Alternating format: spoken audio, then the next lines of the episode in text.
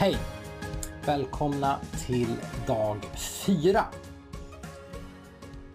Ända sedan kyrkans historias första århundrade när teologer och kyrkoledare samlades för att diskutera tron på treenigheten så har kristna insett att Bibeln, i likhet med alla former av kommunikation, kräver tolkning. Ibland, som i fallet med treenigheten, så har kristna varit tvungna att studera många olika texter och intensivt diskutera deras betydelse för att komma fram till en sund tolkning av Bibelns lära. I andra fall, exempelvis gällande lagar i Gamla testamentet som tillåter slaveri och polygami, då har frågan inte varit vad texten säger utan snarare hur kristna bör förstå och tillämpa texten mot bakgrund av dess kulturella och kanoniska sammanhang.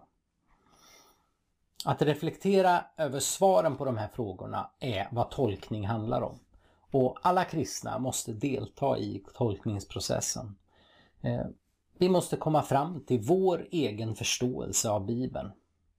Det faktum att kristna är oeniga om så många frågor från dop till frälsning till andliga gåvor, det är en påminnelse om att Bibeln är komplex och kräver tolkning.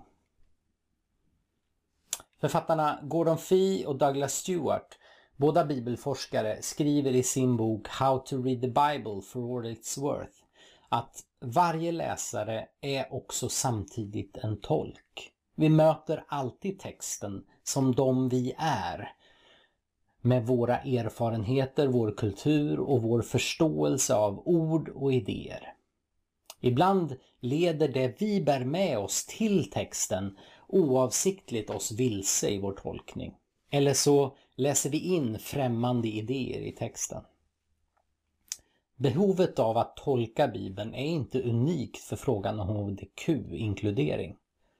Kristna har länge bejakat nödvändigheten av tolkning och vår tids hbtq-bejakande kristna fortsätter den traditionen utifrån vår djupa kärlek till Bibeln. Tack för idag. Vi ses imorgon.